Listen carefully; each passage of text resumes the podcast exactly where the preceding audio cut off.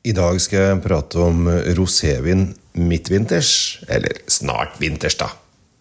Følg med på dette.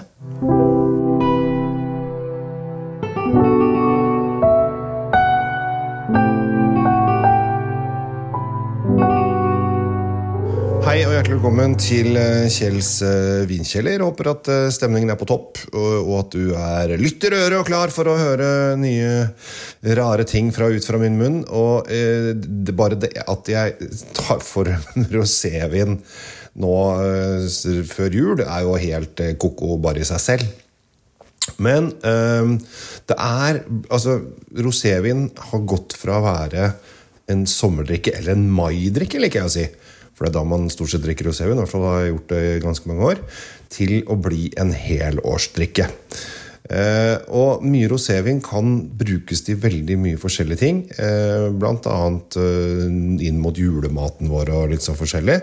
Så det er ganske mye mat som man kan bruke dette til. Eh, og sjømat og, og slikt. Og så. Det er nå. Det er nå, på denne tiden av året, at, eh, eller når vi nærmer oss jul og ut i januar, og sånn, at eh, sjømaten og reker og sånn er best. Men vi spiser om sommeren. Men det er ikke så farlig. Vi, eh, denne vinen jeg har funnet frem, er Chateau Gassier. en, og det er ved Provence, selvfølgelig. Det, er som, det, er, det kalles jo rosévinens mekka. Der lager de rosévin i alle mulige bauger og kanter. Og selvfølgelig er dette også en litt unormal eh, flaske. Den har en veldig dyp bunn, og da pleier alle å si å, vin med dyp bunn, ja, da er den ekstra god eh, og eksklusiv osv. Det er selvfølgelig bare vås. Eh, Flaskeformen varierer fra vin til vin, og det at den har dyp bunn og ikke har så veldig mye å si. Men det er litt lett å holde flasken hvis du tar liksom fingrene inn i bånn og så heller, da. Så det er jo en fordel. Men denne familien Gassier har eh, holdt i Provence eh, ganske lenge. De har faktisk vært i den provensialske adelen siden 1400-tallet. Eh, Og de siste fem generasjonene så har de da drevet med vinproduksjon. Og det de lager, er stort sett rosévin, og så tror jeg de har én hvit en. I hvert fall i den serien som heter 496. Eh, Og 496 kommer fordi at de har et fjell som heter Saint-Victorin, som er da Skal du gjette? 400, 496, sa jeg det? 496? Eller mer enn 946. 946, eh, ikke 496. Det er litt, altså de har skrevet litt artig på flasken, så du kan faktisk lese 496 eller 649 osv. Det er litt sånn som uh, B-gjengen. Eh, 946, eh, for det er 946 meter høyt. Eh, og eh, dette fjellet har faktisk mye å si for eh, denne vinproduksjonen, for at det er ganske høyt. Og så går det ganske bratt ned, og så lager det en sånn kjølig skyggedal. Eh, som gjør at eh, det ikke blir altfor varmt. Vi er i Provence, vi er i Sør-Frankrike, kan bli grisevarmt der. Eh, og det vil vi jo ikke. Vi vil jo gjerne ha eh, ikke altfor varmt, så ikke frukten blir helt kokt. Så eh, det er veldig gøy. Denne her er, det er ikke noe rimelig rimelig eh, rosé, og den er også lagra. Denne flasken som eh, jeg straks skal smake, og den du kan få på polet, er fra 2018. Og det er også litt snodig, for vi er jo ikke vant til å drikke eh, moden rosévin. Vi drikker fersk rosévin. altså fra I år så drakk vi 2021, og så neste år skal vi drikke 2022 osv. For da, det de gjør, eh, for å ta det kjapt, er at de, det er jo da røde druer som de presser. Og så lar de skallet Enten så presser de veldig veldig, veldig sakte, eller så lar de skallet ligge oppi fra eh, to timer til 48 ti- timer. eh, Og da får denne roséfargen. Og så tar de ut juicen og så lar de det gjære. Her har de også funnet ut at de skal gjære dette på fat. Jeg må drikke litt. Jeg blir tørst av å høre meg selv prate. Skal du se.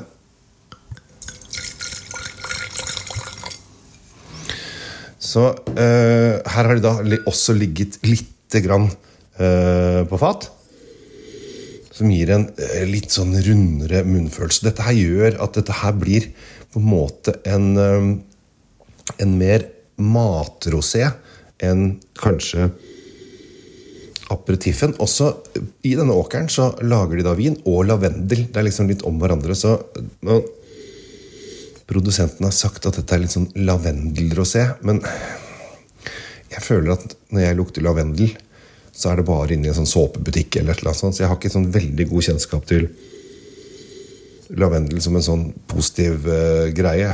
Jeg føler at når jeg kommer inn i spesielt disse såpebutikkene Da fikk jeg faktisk satt det litt opp i halsen bare jeg tenker på det. Disse såpebutikkene som er på, på forskjellige kjøpesentre og sånn. Der jeg vet ikke hva det heter, Roots eller Boots eller Det er sånn det er bare sånne såper. Der føler jeg at det er litt sterk lukt når jeg går inn der. Men de har i hvert fall ligget på uh, 500 liter store østerrikske, uh, østerrikske fat. Og det er egentlig ikke så vanlig at de bruker det heller i Frankrike, så det er veldig, veldig snodig. Men det er jo selvfølgelig Grenache og Syrah som er disse to uh, røde druene som de lager veldig mye rosévin på i Provence. Jeg må smake, for nå har jeg fått vann i munnen av å lukte Jeg kjenner kanskje litt lavendel, men det er liksom Jeg føler at den prøver å lure meg. At fordi at vi er i Dette skal være en lavendelvin, så skal jeg lukte lavendel. Uh, men jeg kjenner at det er ikke den typiske modne Nei, friske rosévinen. Er litt mer moden rosévin. Skal vi se.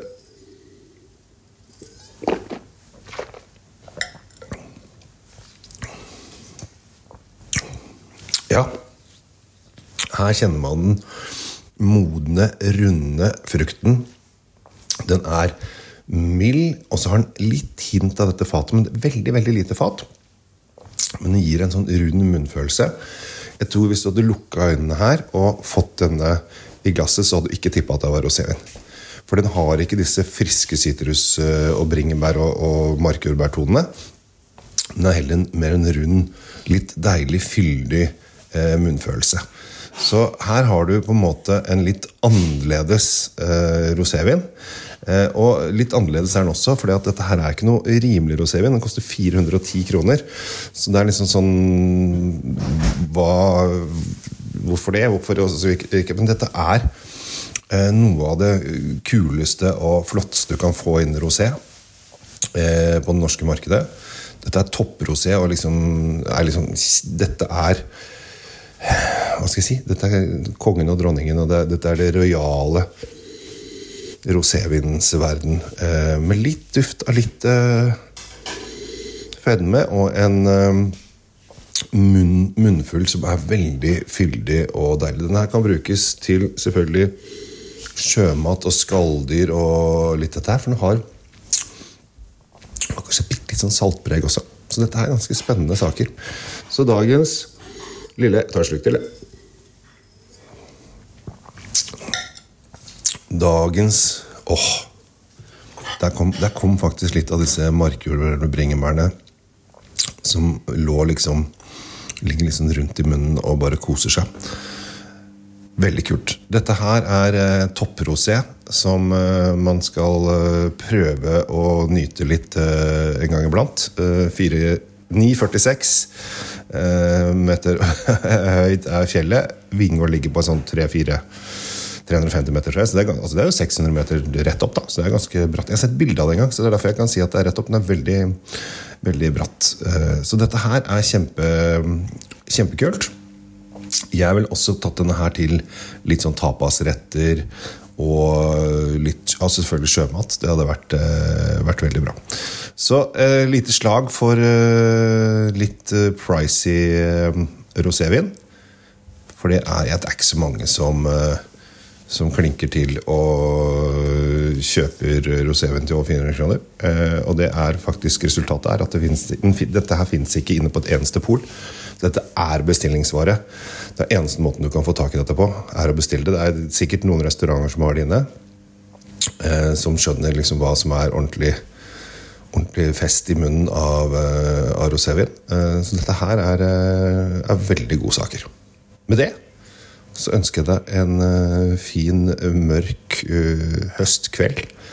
Og så håper jeg du har det bra. Og så syns jeg det er veldig hyggelig at du lytter på denne kanalen, og at du tar deg tid til lille meg. Takk for meg. Ha det bra.